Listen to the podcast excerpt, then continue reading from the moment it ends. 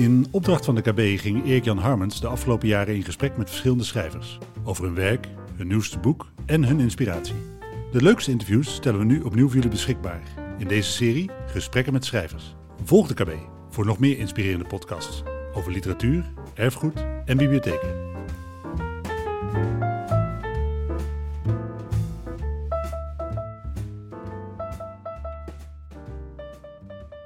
Ik ben in Amsterdam bij Simone van Saarloos. Die zit tegenover mij. Hallo Simone. Hoi. Je hebt eh, een eh, roman geschreven die heet De Vrouw Die.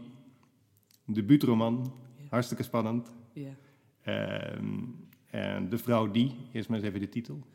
Ja. Want dat dit lijkt het begin van een zin. ja, dat klopt, ja. Ja. ja, en alles wat erachter komt, eh, is, het is een soort van multi-invulbaar natuurlijk, wat er, wat er dan achter de vrouw die komt. Heb je Maar- daar lang over nagedacht, over die titel? Nou, nee, ik wist eigenlijk dat het de titel moest zijn, al best wel lang. Ik ben drie jaar bezig geweest aan het boek en toen wist ik wel dat het... Ik had nog even, het moet zijn de vrouw die de marathon van New York in een boerka rent. Ja. Maar nee, ik wist dat het de vrouw die moest zijn, ook omdat het naar mijn inziens direct refereert aan een soort krantenkop. De vrouw die, je ziet het zelfs eh, tegenwoordig bij Blendel. Als je ochtends een mail kijkt met het eh, belangrijkste nieuws van die Mhm. dag, dan staat er de vrouw die. En dan iets grotesks meestal, of iets, eh, iets spectaculairs Ja. wat er dan gebeurd is. En daar wilde ik graag naar verwijzen. Dus enerzijds naar de anonieme dat erin zit. Namelijk, hè, dus het kan elke vrouw zijn. Als ze maar iets spectaculairs doet, dan krijg je wel die titel van... de vrouw die de marathon van New York in een Ja. boerka rent. Ja. Ehm, maar ook inderdaad naar, naar het, het nieuwselement ervan. Of Mhm. een soort van het opruimende ervan. Ja, wat Ehm. niet zo gek gedacht is ook als titel, want je geeft het al even aan in de eventuele eh, tweede titel, de vrouw die de marathon van New York in een boerka rent. Ja, Voor mensen die, we, we doen deze podcast voor mensen die het boek in principe nog niet gelezen Ja. hebben, dus die vallen even een beetje zo eh, in één keer erin. ja, Maar het gaat over een vrouw die van plan is de marathon van New York in een boerka te rennen. ja, Hè? Janine Vitafiel ja. is van plan om eh, dat, dat eerst is van plan om de, de marathon te gaan lopen Ja. en vervolgens eh, ehm, komt ze op het idee om daar een boerka bij aan te trekken. Ja. Waarom doet ze dat? Ja, nou het is misschien goed om te zeggen dat ze ook moleculair bioloog is. Dus ze werkt in een lab en wordt drie maanden, ja, onbet of nou, dat maakt niet eens. Ze wordt opeens met verlof gestuurd. En ze is Ja. eigenlijk heel erg eh, een, een werkgericht iemand. Dus een- eh, je zou in makkelijke taal zou je natuurlijk kunnen zeggen, het is een workaholic Ja. of zo. Mhm. Maar ze is vooral iemand die heel veel identiteit verleent aan haar werk. En Ja. aan het scheppen wat er ook in haar werk eh, kan. Ze houdt zich bezig met het klonen van organen bijvoorbeeld. Ehm, nou ja, moleculair bioloog staat natuurlijk aan de basis van het leven. Mhm.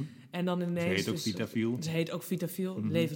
Ja. Eh, dat is eh, behoorlijk du- duidelijk. ja, ja nee, en, en het verspreiden en behouden van leven ehm, en het creëren van leven, dat is eigenlijk haar grootste doelstelling. En daar past die boerka niet, niet zo netjes in. Je kunt niet zeggen, oh, het is, het is per se hierom. Mhm. Maar ehm, je zou enerzijds kunnen zeggen dat, het, dat ze een daad wil stellen. Ja. En eh, dat is, eh, komt eigenlijk een beetje voort uit een persoonlijk motief, denk ik wel. Omdat ze dus ja, weggestuurd is van haar werk en een, een kunstenaar ontmoet eh, Mhm. in New York. Als ze, ze gaat dus naar New York, daar gaat ze drie maanden trainen en dan ontmoet ze een kunstenaar. Die ontmoet ze niet voor niks, want hij houdt zich bezig met sperma. Ja. En ze is ook nog veel bezig met sperma. Bron van Eh, leven. Bron van leven, inderdaad. En komt zelf ook uit een eh, donorpotje. Ja. Janine komt uit een potje. Janine komt uit een Ja. potje. En haar vader is eh spermaarts of fertiliteitsarts. Hij had een kliniek. Dus zij is, zij is opgegroeid met de geur van sperma. Ja. ja. Ehm, en... ehm, Hij heet weer Lodief en als je dat omdraait heb je ook weer een soort Vidol. Oh, Oh, niet? Dat- Oké. wat betekent Vidol? Nee, Oké. Oh, wat goed. Oh, Nee, ja. Vidol is weer een soort, nou ja. Ja, ja, ja. Dat met- is waar natuurlijk. Oh, wat weer met grappig. Vida of, hè? eh, Ja. Maar Oh, zo wat ver, grappig. misschien dacht ik te veel. Ja, ja, dat vind ik fantastisch dat je zo dacht. Want ik weet dat die naam mij opeens inval. En dat ik echt geen idee had. Ja. Ik, ik wist dat het een beetje Oost-Europees klonk voor Ja. mijn gevoel. Ja. Ehm, maar verder, ja, ik had geen idee waar dat dan vandaan kwam. Ik dacht, dan moet ik deze houden, want de naam die je invalt.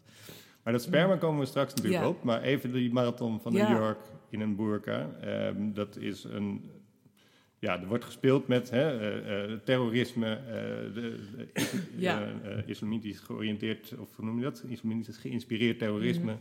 Een boerka is een, is een uiting van een, een bepaalde stroom in, het, in de islam. Ja, tegelijkertijd is dit niet bedoeld als terreurdaad, maar als een soort, hoe noem jij het ook weer in het boek? bijna creatieterrorisme. Creatieterrorisme. Ja. En inderdaad, ja, ik, daar begin ik zo van alles te vertellen. Is Ja, natuurlijk ja, dat er duizend dingen zijn waarom ze dat eventueel zou waarom ze dat misschien doet. Dus het- die persoonlijke motief waarbij ze dus de kunstenaar ontmoet... die wel een werk maakt terwijl zij niet meer werkt. En daarin zie je heel duidelijk ja, bijna een persoonlijke motivatie van... eh, shit, ik moet ook iets groots doen. En een, de marathon van New York lopen, dat is natuurlijk best een prestatie... maar 50.000 mensen doen dat jaarlijks. Mhm. Dus daar heel veel eer is daar niet aan te behalen. Dus daar zou je het uit kunnen zien. Maar inderdaad, het heeft ook eens degelijk, wel degelijk verwijzen naar... eh, ja, de angst voor islamitische symbolen, Ja. om het even breed te zeggen. Ehm, want wat er natuurlijk gebeurt is dat mensen op het moment dat zij een boerka zien... of iemand in boerka zien, dan denken ze gelijk terrorist. Ja. En eh, wat daar frappant aan is, is dat het natuurlijk eigenlijk kijken mensen dan niet meer wat er voor hen staat. Want wat er eigenlijk voor je staat, is een, iemand met een lap stof om zich heen. Ja. En dus refereert het gelijk aan terrorist. En dat zou je kunnen zeggen, dat is het symbool waar het naar verwijst. En je zou kunnen zeggen dat mensen dus hun fantasie gebruiken in plaats van te kijken naar de stof die er tegenover hen eh, staat. Maar ze gebruiken ook weer niet zoveel fantasie dat ze bijvoorbeeld iets verder zouden kunnen denken en denken van, oh goh, misschien symboliseert deze persoon wel iets heel anders dan Mhm. terrorist. Mhm. Dus in die zin is het een, een vorm van creatieterrorisme, omdat ze ehm, een soort invloed wil hebben, maar helemaal niet iets kapot wil maken. Ze wil eigenlijk iets toevoegen, namelijk fantasiemogelijkheden. Want laten we dat beeld eens echt tot ons doordringen. Mhm. We zien 50.000 mensen de marathon lopen. Eh, Janine heeft iets bedacht waardoor ze die boerka onder haar shirt kan stoppen, onder haar borsten kan verbergen. En dan zo de eerste kilometers kan lopen. En dan vervolgens bij, ik meen, een drinkpost of zo. Ja, de eerste toiletstop. Oh, is de eerste toiletstop, ja. Dat die- ze ja. dan de, de boerka eroverheen trekt. Mhm. En dan zie je dus, eh, zeg maar, 49.999 mensen in strakke joggingkleding of renkleding lopen. Ja. En één in een boerka. Wat, wat is dat voor beeld? Ja, wat is dat voor een beeld? Ik denk dat je dat best wel voor je ziet. Mhm. Ehm, ik denk dat we ook na de Boston Marathon, natuurlijk, waar de, eh, eh, de twee jongens die het, ehm, de bom hadden in hun rugzak. Ja. Ik denk dat er heel gauw paniek ontstaat.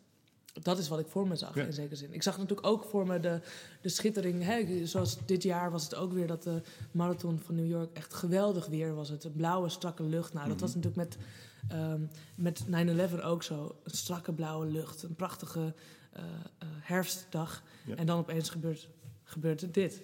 Ehm, en dat, is enerzijds zie ik een soort schoonheid voor me, ook met die blauwe wapperende stof. Het is een blauwe burka, het Ja. een Afghaanse burka. Mhm. Ehm, maar ik denk dat er heel gauw paniek ontstaat, omdat je het bijvoorbeeld ook zag bij de Dam, toen er een schreeuwer was op bij de dodenherdenking. Toen schreeuwde er iemand, maar het was eigenlijk de persoon die daarna bom riep. En waarom? Ja, waarschijnlijk uit een soort paniekreactie. Mhm. Uit een soort, de eerste associatie die je hebt. Er gebeurt iets onverwachts. Ja. Dus er zal iets destructiefs gebeuren. Ja. Dus er zal iets vreselijks gebeuren. En degene die bom riep, die veroorzaakte in zekere zin, zonder dat ik diegene per se schuldig wil Mhm. maken, maar veroorzaakte de paniek die vervolgens ontstond en dat mensen ook over elkaar heen gingen lopen. Mhm. Dus ik zat, ik Maar die paniek wordt weer veroorzaakt, zou je kunnen zeggen, door de schreeuw natuurlijk. Zeker, ja. Maar ik denk dat op het moment dat je samenleeft, dat je eigenlijk altijd moet voorbereid zijn op onverwachte elementen. Want mensen zijn, als het goed is, vrij onvoorspelbaar. En dan zeg ik als het goed is, omdat dat toch ook een menselijke scheppingskracht is. Het onvoorspelbare kunnen eh, bewerkstelligen en Mhm. het onvoorspelbare kunnen creëren. En dat dat eigenlijk door een soort angstcultuur wel wordt ingedampt. Ja. En nou ben ik met Janine niet, niet heel erg bezig over... eh, het gaat niet zozeer over terrorisme of over een soort van dat het een pleidooi is tegen de angstcultuur. Nee. Maar zij gebruikt ja, een symbool wat heel belangrijk is geworden. Het gaat er natuurlijk ook over dat zij eigenlijk invloed wil en dat zij graag grootse daden stelt. En wat is er op dit moment, eh, ja, waarmee kan je gemakkelijk een grootse daad stellen? Namelijk datgene pakken waar iedereen een soort ja, hyperhysterie eh, Ja. rond heeft. Ja. Dus ze gebruikt eigenlijk die boerka op allerlei manieren. Mm. En daarmee wil ze wel degelijk confronteren. Hè, zoals ik zei over dat ze die fantasie wil aanwakkeren. Namelijk dat, je, dat het echt een, een daad is van de fantasie om bij een stuk stof direct aan terroristen te denken. Maar tegelijkertijd is het ook een gebrek aan fantasie, want je zou allerlei andere dingen kunnen denken. Iemand zou allerlei andere statements kunnen maken. Nou ja, en ze wil dus een soort, eh, ehm, hoe zeg je zoiets, een soort eh, wereldlijk statement maken. Want hoewel er 50.000 man meedoen, is het lopen van een marathon natuurlijk eigenlijk een enorme prestatie. Ja, Maar voor haar blijkbaar dus niet groot genoeg. Nee. Sterker nog, ze doet niet eens de best van tevoren. Want ze traint maar een beetje op zijn boerenfluitjes, met alle vind je respect. dat? Oh, wat grappig. Nou ja, maar ze loopt ja. wel af en toe Ja, ze vijf kilometer ja. of zo. Maar pas op het allerlaatst gaat Ja. ze dan helemaal los. Ja, Het is geen kritiek, maar het is Ja. een constatering. dat ik denk van ja, Wat zeg je ja. nu, Erik Jan? Streed ze niet Come hard on. genoeg? Ja, Ehm, ja nou, ik denk dat ze... Het is iemand voor wie mislukking überhaupt geen optie is. Dus ik, ik zou bijna zeggen, Janine, je kunt het ook zonder te trainen. Want jij gaat het gewoon toch wel Oh ja, uitlopen. Ehm, maar het is, ja, het is, er zit natuurlijk iets frappants aan in. Als je iets groots wil doen tegenwoordig, dan lijkt het al zo snel dat je op moet vallen in dat groots. Want die 50.000 mensen, ja, natuurlijk, het is voor ieder voor zich een enorme prestatie. En eh, ehm, mijn buurman hier beneden, eh, we zitten in mijn huis, dus Mm. hier beneden, Ja, die ja. heeft het ook gelopen. En ik vroeg ook aan een beetje, hoe voel je je? Voel je je lichamelijk anders als je zoiets hebt meegemaakt en zo? En dus dat is natuurlijk, je wilt helemaal, ik wil helemaal niet reducerend spreken over de persoonlijke ervaring, maar tegelijkertijd op het moment dat je mm, iets van werkelijke invloed wilt eh, hebben, of als je, dan kom je al heel gauw uit op het trekken van aandacht. Dus je moet een bepaald soort aandacht trekken om invloed te hebben. Ja. Want dat is ook wat je nu ziet. Met, het wordt helemaal gelivestreamd, de hele marathon. Mhm. Maar ja, de kans dat je als een van de 50.000 lopers op die televisie komt. En nou is het natuurlijk de vraag of je überhaupt op televisie moet willen. Hè? Daar gaat het dan Ja, ja. niet eens om. Maar ja, mensen willen toch vaak een soort erkenning voor, de, voor datgene wat ze doen. Ja. En dan is kwantiteit, dus als er veel mensen zijn die hetzelfde doen, is dan al best wel lastig. Ja, ja, Want dat maakt je al snel niet zo bijzonder. Ja. Sterker nog, dan moet je misschien wel. Is het bijzondere slechts alleen te halen uit eh, het hebben van hele dichte, contact, nauwe contacten? Bijvoorbeeld dat mensen tegen jou zeggen: Oh, wat goed van je dat je dat gedaan Ja. hebt. Of als dat niet gaat over persoonlijke contacten, dan kom je al gauw uit bij een goed doel. Wat je Ja. natuurlijk ook ziet, dat mensen de marathon lopen voor een, een Mhm. goed doel. Eh, kankerfonds bijvoorbeeld. Ja. En dat vragen mensen ook aan Janine. Ja. Ren je dan voor een goed doel? Maar dan zijn er weer zoveel mensen die voor een goed doel rennen, dat zij eigenlijk Ja. dus er wordt eigenlijk voortgedreven. Het is bijna alsof de acties van anderen een deur sluiten voor haar. Hm. Hè? Zo van, oh ja, maar dat heb ik al gedaan. Oh ja, dan ga ik dat niet doen. Nee. Dus er zit wel een soort drang om Ja. origineel te zijn. En ze, lijkt ook, ze zegt ook meerdere keren dat het lijkt alsof ze iets zwaars meetorst. En Mhm. ik ben zelf recreatief hardloper. Mhm. Met de nadruk op recreatief. Ik loop niet zo heel lang, of zeg zeker geen marathons. Maar ik heb dat ook wel eens, dat ik iets zwaars lijkt me. Mhm. Alsof ik dus te, weet je wel, te zwaar ben om, om echt gang te kunnen maken. Of zo. Ja. Dat ik het dan ook af en toe opgeef, wat Janine ook doet. Af en toe. Dat ze gewoon, en loopt het park uit en dan toch maar weer terug. Ja, Toch maar weer door. ja, Ja. ja, en als je dat dan voelt, dat zware, zware, voelt dat dan als iets wat... Is dat iets? Of... Nee, ik denk het niet. Nee, hè? Nee. Ik noem het zelf ook wel eens, maar dan ben ik in een hele eh, chargerende bui. Dan zijn het mijn demonen. Oh ja. Snap je?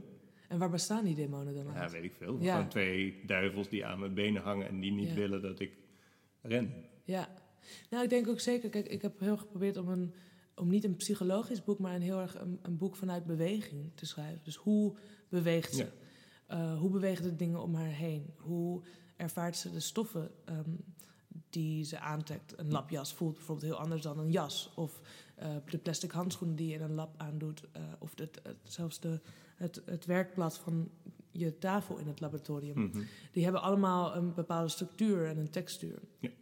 En ik heb geprobeerd om de wereld die ik opschreef van daaruit te schrijven. Dus van, oké, hoe ziet het eruit? Maar ook inderdaad, dus hoe voelt het? En dat bij het rennen ook. Dus ik ren zelf ook wel. Mhm. Inderdaad gewoon eh, omdat het lekker is, maar verder niet. Ehm, en wat, wat je daar... Je loopt daar heel gauw tegen allerlei lichamelijke eh, beperkingen. En ook eh, lichamelijke vrijheden natuurlijk. Want dat je ineens je energie voelt. Mhm. Ehm, en dat moet, je, dat moet je kunnen accepteren, want het is ook best wel banaal natuurlijk. Want ook weer, iedereen loopt hard Mhm. en iedereen maakt dat dus mee. Maar de grenzen van het lichaam zijn voor Janine denk ik wel een probleem. Ja. Want het feit dat je begrensd bent en daardoor maar... Je bent maar één persoon.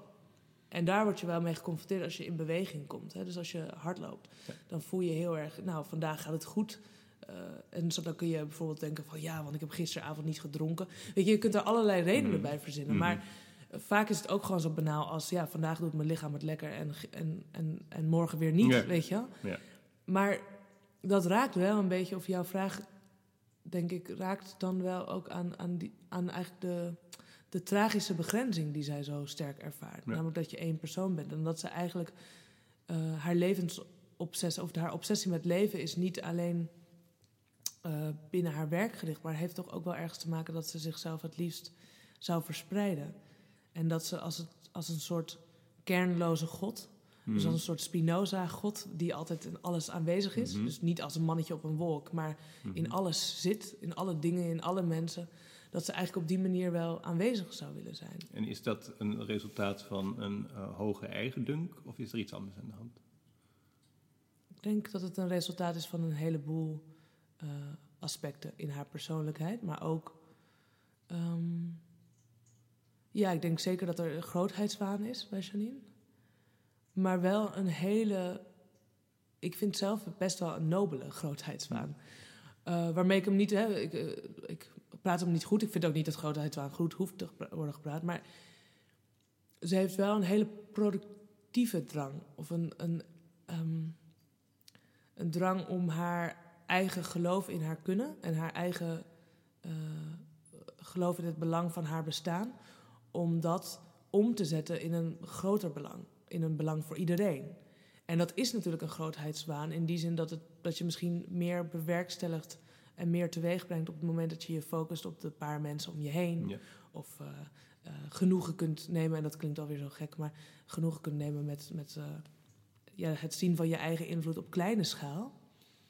Ehm, maar wat ik nobel vind aan Janine is dat ze dus niet naar destructieterrorisme neigt, maar naar ja, creatieterrorisme. En je kunt dat bijvoorbeeld zien als je, of die, dat komt een beetje voort uit een soort fascinatie met ehm, wat ik nu dan maar even noem, de tentakels van onzichtbare invloed. Ja. Dus je hebt voortdurend als mens invloed op van alles. En dat is wederzijds. En dingen hebben ook invloed op jou en jij hebt invloed op de dingen.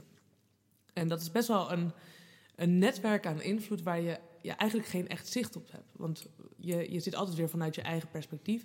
En ook is het zo dat je, je zou kunnen zeggen dat je alleen maar door hebt wat jouw invloed is op het moment dat jij zelf lichamelijk aanwezig bent. Want als ik nu naar jou zwaai, dan kan ik zien dat jij daarnaar kijkt. Ehm, Maar jij bedoelt, als ik straks thuis kom mhm, en ik vertel iemand over het gesprek met jou, mhm. dan zie jij die invloed niet. Nee, ik heb daar geen idee Nee. van. Dus het is echt veel makkelijker als ik invloed wil. En nou kun je natuurlijk van alles afvragen van waarom ik invloed zou willen. Maar even laten we dat aannemen. Ja. Ik wil invloed. Dan kan ik jou beter een blauw oog slaan. Want dan weet ik in ieder geval, dan weet ik ongeveer hoe het gesprek bij jou thuis zal worden Oh ja. gevoerd. Ja. En dan zeg ja, wie heeft dat gedaan? Jeetje, waarom? En Ja, Simone. ja, dan krijg je dat. Oh, natuurlijk krijg je dat. Ja, nee. Maar, het, weet je, en ik weet ook dat jij nog een week hierna eh, rondloopt met een blauw oog. En dat, dat je mensen zult moeten vertellen van, dat is zo en zo gebeurd. Ja. En ik weet ook dat je elke keer dat je in de spiegel kijkt, een beetje aan mij denkt. Op wat voor Mhm. manier dan ook. Best een prettige gedachte, als je het over invloed hebt. Mhm. Maar als ik naar jou glimlach, heb ik echt geen idee hoe dat doorspeelt. Ik heb geen idee of je daarover vertelt, of je dat überhaupt hebt opgemerkt, eh, of je een week later daar nog een keer aan denkt. Dus de, de, de, de katalyserende kracht, van Ja. mijn, mijn glimlach is veel minder voorspelbaar dan de katalyserende kracht van een klap op je oog. En wat is daar dan de, zeg maar, de uiterste grond... Wat ligt daar aan ter grondslag? Is dat de angst om onzichtbaar te zijn? De angst om niet gezien te worden? Mhm. Zit er zoiets onder? Achter, weet ik het. Ja, in zekere zin. Ja, in het boek, in De Vrouw, die speel ik daar mee. Doordat ze natuurlijk op het meest, het meest zichtbaar is op het moment dat ze zich verbergt onder de boerka. Als je onder een boerka zit, ben je niet zichtbaar, maar toch kijkt iedereen Mhm. en eh, trek je de aandacht. Dus ik speel daarmee. Ik, ik, mm, moet ik even over nadenken hoor. Ik weet niet of het echt een drang is naar zichtbaarheid, maar ik denk dat zichtbaarheid meer het gevolg is dus van die invloed. Dus, kijk, ik, kan, ik, ik durf je eerlijk gezegd geen eerlijke grond te geven van waar de drang van, naar invloed vandaan komt. Ik denk dat het inderdaad een soort godsverlangen is. Dus eh, de drang naar scheppen en de drang naar. ehm, en die drang, ja, misschien komt die ook wel voort uit de wereld, want de wereld vraagt ook om je respons. Hè? Ik bedoel, je kunt niet ter wereld komen als baby, maar ook niet als, als volwassene. Je kunt niet in de wereld verkeren zonder eh, daar voortdurend op te reageren. Mhm. En ik denk dat er heel.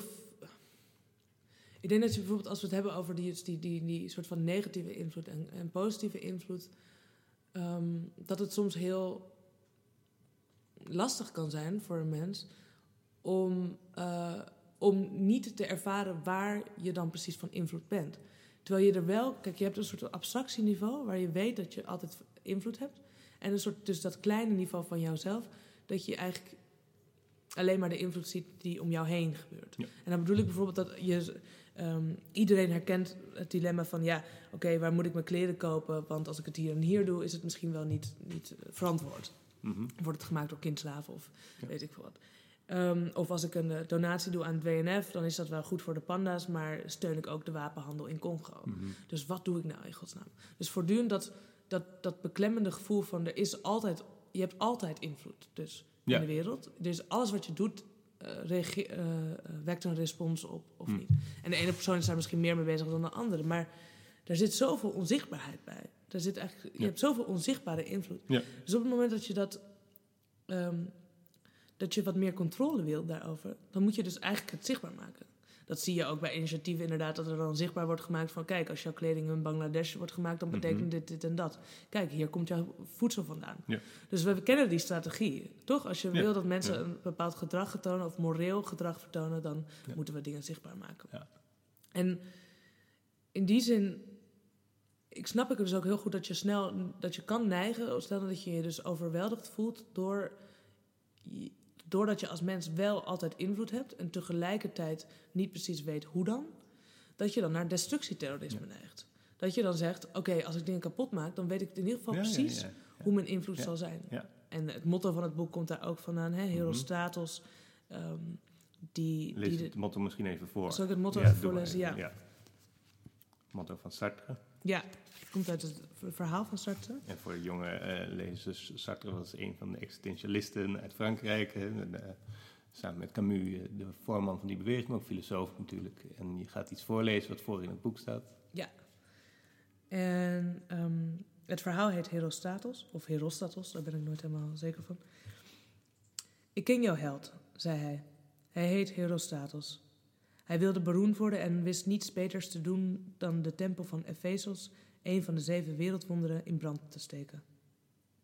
En hoe heet de bouwmeester van die tempel? Dat weet ik niet meer, bekende hij. Ik geloof zelfs dat zijn naam niet bekend is. Werkelijk? En de naam van Herostratos heeft u onthouden? U ziet wel dat hij het niet zo verkeerd gedacht heeft. Dat is het einde van Mhm. dit stukje. Ja. Dus je ziet hier inderdaad dat de architect van de tempel, die wordt gewoon vergeten. Maar degene die de tempel kapot maakt, die zal de geschiedenis overleven. Precies. En dat, daar, daarom noem ik destructie, of daarom benoem ik zo destructieterrorisme als een manier om je invloed eigenlijk zichtbaar te Ja. brengen. Want als jij jezelf opblaast, dan weet je ook dat je naam in de krant zal komen. Ehm, en dat je leven op een bepaalde manier ergens toe is gaan doen of Ja. uitspringt. Je krijgt een beetje eh, het effect als er heel veel aanslagen zijn, dat je natuurlijk net zoals bij die 50.000 Ja. marathonlopers een beetje in de grote smurrie ten onder gaat. dan. Absoluut. Maar- Absoluut. Maar als je nog genoeg doden creëert, Ja. dan heb je. Dus dat is ook het gekke van ellende. Ellende is veel makkelijker te meten. Ik bedoel, de krant werkt met zo'n formule. Hoe ver is het weg als er iets gebeurt? Hoeveel doden zijn er gevallen? En is het relevant voor ons? Mhm. Dus dat is, dat is gewoon een formule van ellende eigenlijk die, die de aandacht genereert. En de hoeveelheid doden is zoveel. Hoeveelheid doden is gewoon. De hoeveelheid slachtoffers is veel makkelijker te tellen Ja. dan de hoeveelheid geïnspireerden, bijvoorbeeld. Ja. Ehm, weet je, zelfs als je het hebt over een, eh, iemand die duidelijk altijd geïnspireerd heeft, Gandhi, Martin Luther King. Kijk, je kunt niet eens meer echt zeggen wat nou zijn invloed. Ik bedoel, ja, je kunt heel concreet bepaalde wetten die zijn veranderd en bepaalde eh, mensen die zich aansluiten bij de beweging. Dat kun je heel duidelijk zien.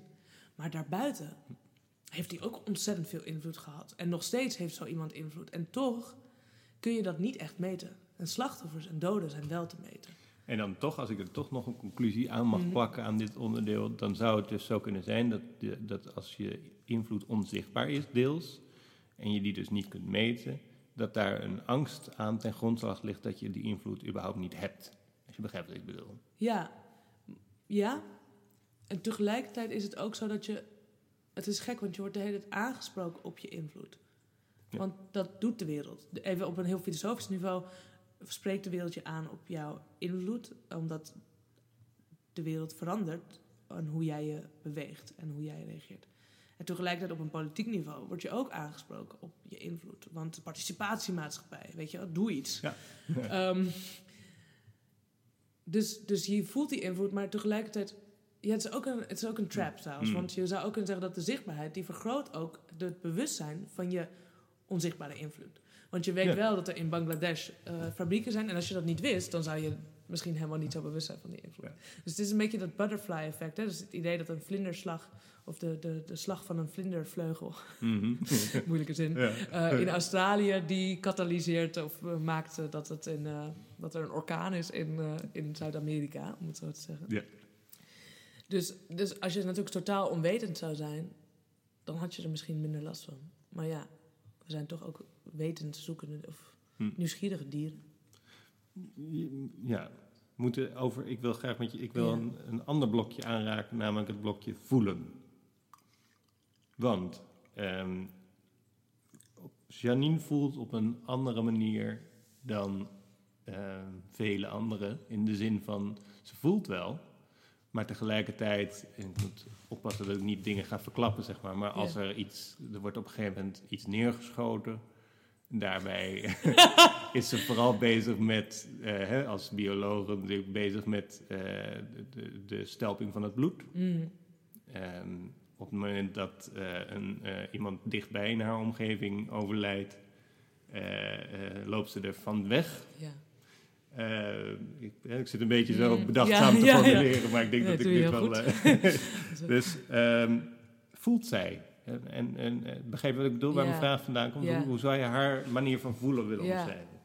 Nou, ik denk heel wetenschappelijk in zekere zin. Dus ik denk dat het een wetenschappelijke methode is om, om, om te kijken naar wat er gebeurt. Om, om als, er, als er iets gebeurt en als er iets gebeurt wat potentieel pijnlijk is, om dan niet je te laten afleiden door de pijn of door de gevoelens. Eh, dit is een heel klassiek onderscheid natuurlijk, alsof je rationeel en gevoelens. Maar Mhm. Om je dan niet te laten afleiden, maar te kijken naar wat er gebeurt. Want de grap is natuurlijk dat veel, ehm, je zou kunnen zeggen dat veel waarheden van het leven op dat moment plaatsvinden. En dan heb ik het puur op een soort wetenschappelijk niveau. Namelijk dat er dan een chemisch proces bijvoorbeeld. Opeens is er iets veranderd. Hè? Opeens wordt eh, eh, een maiskorrel wordt een popcorn. Als je dat mist, dan heb je de transformatie niet gezien. Dus als jij je laat afleiden, dan zie je eigenlijk het cruciale moment niet.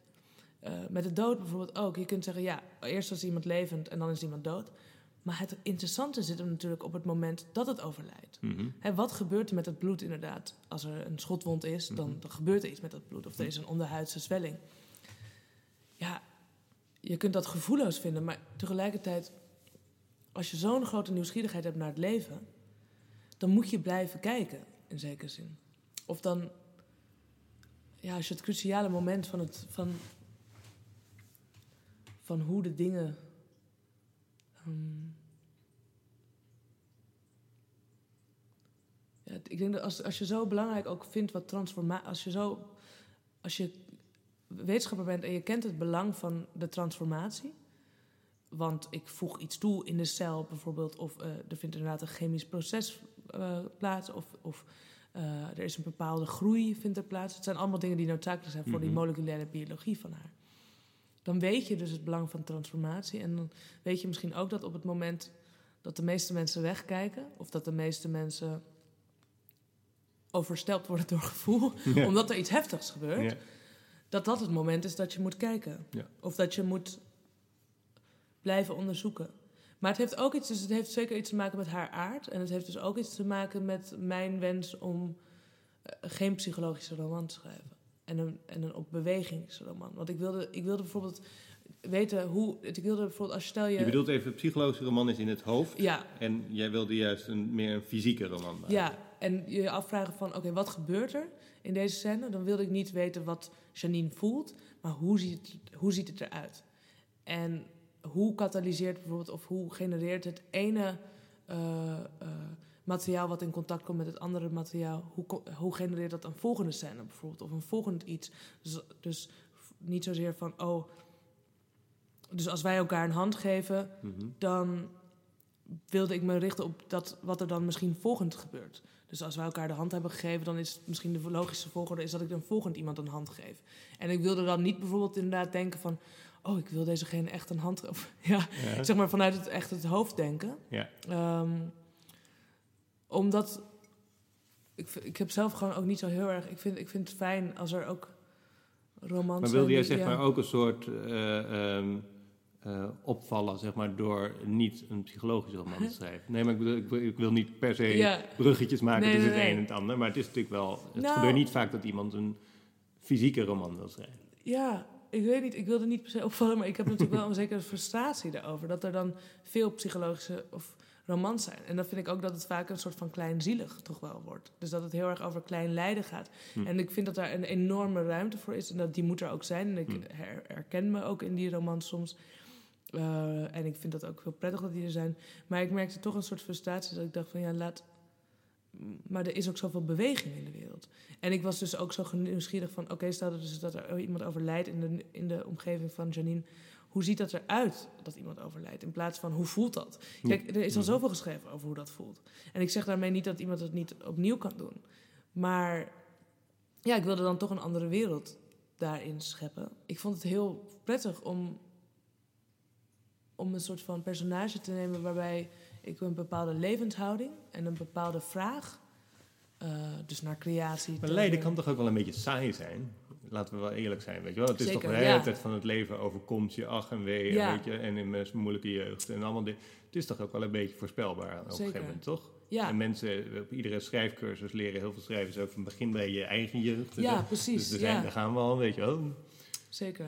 En eh, Janine heeft ook het een en ander meegemaakt, ook in, eh, in haar jonge leven. Ja. al, eh, het nodige achter de kiezen, zeg maar. Ja. En tegelijkertijd staat ze er vol in, zou je Ja. kunnen zeggen. Ja, dat is mooi dat je dat benoemt, dat vol erin staan. Dat Ja. is denk ik echt haar... eh, wat ook maakt dat ze niet kan mislukken bijvoorbeeld. Omdat ze eh, eigenlijk de, de normale doelen die de meeste mensen eh, lijken te hebben... zo van ik moet dit, dit krijgen of ik moet deze baan hebben... die gelden voor haar niet zo. Voor haar Hmm. geldt eigenlijk het in beweging zijn. Er vol in staan. Dat Ja. geldt altijd. Dus hè, je kunt natuurlijk mislukken op het moment dat je een doel hebt... en zegt ik wil van A naar B. Maar voor Janine is het veel meer dat ze... ze wil van A misschien wel naar B, maar als B niet lukt, dan C, D, E, F, G.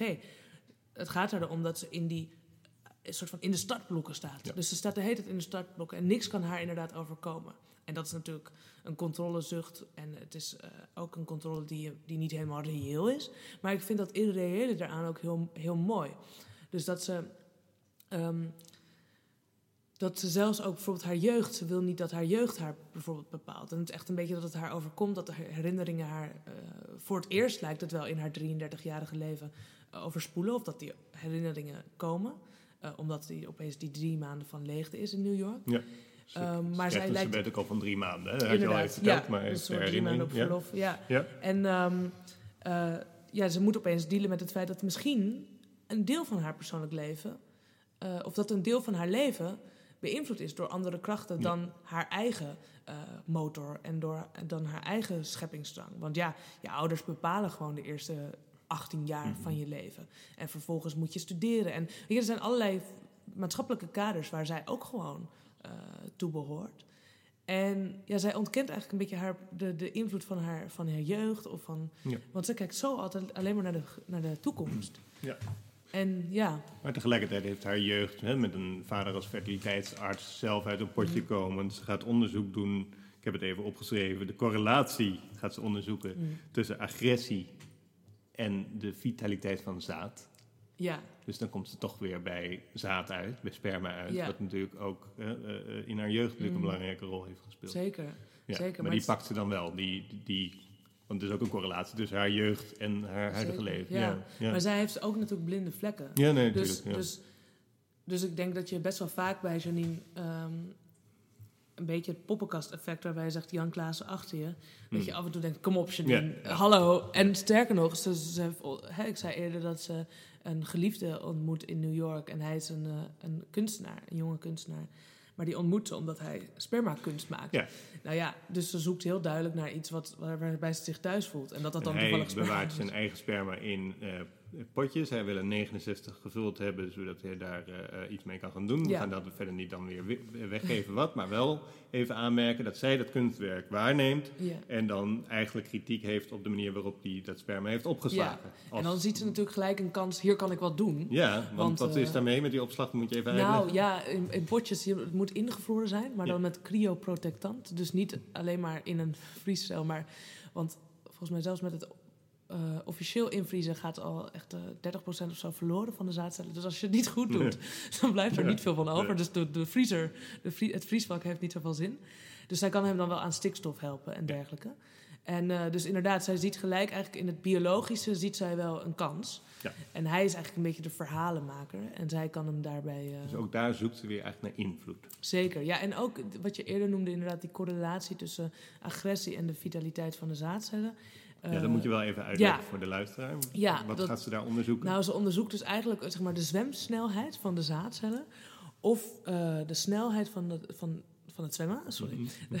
Ze onderzoekt dus eigenlijk de zwemsnelheid van de zaadcellen. Of dat iets te maken heeft met eh, crimineel gedrag.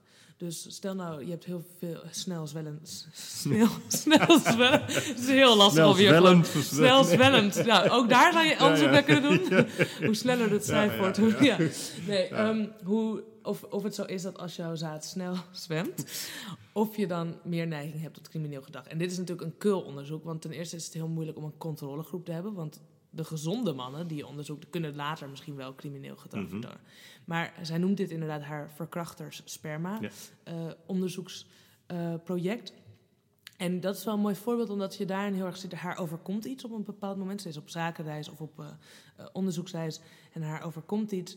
En in plaats van dat zij inderdaad accepteert dat haar gewoon iets overkomen is, gewoon iets onfortuinlijks wat iedereen kan gebeuren, ehm, neemt ze het heft in eigen hand en begint ze een onderzoek naar verkrachtersperma. Ja. En eigenlijk door dus dat onderzoek te beginnen, ja, sluit ze het hele idee dat er haar iets overkomen kan, sluit ze weer uit. Als het ware. Zelfs al heeft ze zelf ook wel door dat dat verkrachtersperma-onderzoek een beetje moeilijk is, een beetje onwetenschappelijk ook. Mhm. Eh, dan ziet ze ineens dat het is natuurlijk heel populair wetenschappelijk, want haar persoonlijke verhaal wordt erbij getrokken. En eh, oh, zij heeft recht van spreken over dit onderzoek en eh, ze mag bij talkshows komen en dergelijke. En dan ziet ze ineens dat, ook al is het vrij onwetenschappelijk, haar onderzoek, het heeft wel degelijk heel veel effect. Want ze krijgt allerlei brieven van mensen. Mhm. Eh, je hebt me zo geholpen door, door, de, een soort, niet door een soort slachtofferverhaal te hebben, maar een heel actief verhaal. Ehm, over verkrachting en zo. Ja. Ja. het, is een beetje, het klinkt nu allemaal een beetje... je moet het wel in de context van het Ja, boek ja, blijven zien. Ja, ja. Maar daarin zie je eigenlijk dat, dat ze... En daar zie je de hele tijd dat spanningsveld van... is het nou iemand die ehm, soms door haar eigen activisme... ja, een beetje gek wordt? Is het een... Want, ze is, een beetje, ja, ze is natuurlijk een wetenschapper, maar heeft dus een activistisch hart. Maar is het iemand die toch vooral aandacht wil? Nee, want ze wil ook echt die betekenis, of ze wil echt invloed of van waarde zijn in mensen hun leven. Ehm, maar ze lijkt op de een manier gewoon de grenzen niet te accepteren. Dat als je invloed wil hebben, dat je dat prima kan doen. Ik bedoel, als moleculair bioloog kan je natuurlijk met een klein onderzoek ook heel veel invloed hebben. Ehm, hè, wat veel wetenschappers ook accepteren. Je hoort het vaak als er wetenschappelijk nieuws is, dan hoor je vaak, ja, maar welk nut heeft het nou? En dan hoor je een beetje de wetenschappers op pruttelen van, nou, laat mij die vraag nou niet beantwoorden, want het is mijn fundamentele onderzoek wat van belang is. Mhm.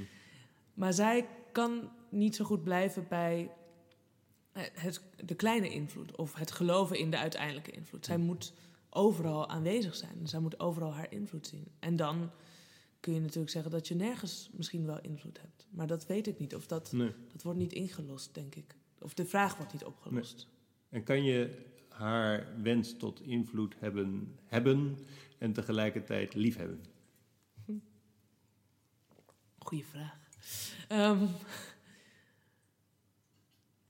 nou, het wordt lastig om één persoon lief te hebben, denk ik, omdat je, de, je het menselijke niet echt accepteert. Want het menselijke komt altijd met tekortkomingen. En een ander mens liefhebben is wel lastig als je zo'n last hebt van ja, van, het, van het menselijk tekort. Dus dan, dan wordt het lastig. Ja, ik zit even te denken hoor. Ehm, ik zit namelijk te denken of het ook lastig is om lief gehad te worden. Ja. Ehm, Mark heeft haar wel lief. ja. Want ik denk dat ze dat... Hill heeft haar denk ik stiekem ook lief. Ja. Ja. En haar moeder heeft Haar haar moeder, lief. Ja. zeker. Haar vader heeft haar heel erg lief gehad. Maar haar Ja. vader, wat heel fijn was aan haar vader, is dat hij haar heel erg lief leek te hebben om de verbinding die ze als het ware de hele tijd aan het opbouwen waren. Want hij was niet haar biologische vader. Dus het ging heel erg over activiteit. Dus een actieve vorm van liefde. En de liefde die haar wat meer een soort bijna vanzelfsprekend overvalt, dus van haar moeder, of de liefde inderdaad van Mark, die ze eigenlijk bijna niet lijkt te hoeven winnen, want ze heeft geen werk. Ze Mhm. vindt dat natuurlijk belachelijk eigenlijk dat iemand haar lief heeft terwijl ze geen werk heeft, Mhm. bijvoorbeeld. Ehm, ja, die lijkt ze niet zo goed te kunnen accepteren. Nee. Want dat, die liefde van een ander, dus die vanzelfsprekende bijna liefde of die onvoorwaardelijke liefde van een ander, die zegt namelijk: het is oké dat je mens bent. En dat wil je niet horen als je die goddelijke invloedsdrang hebt.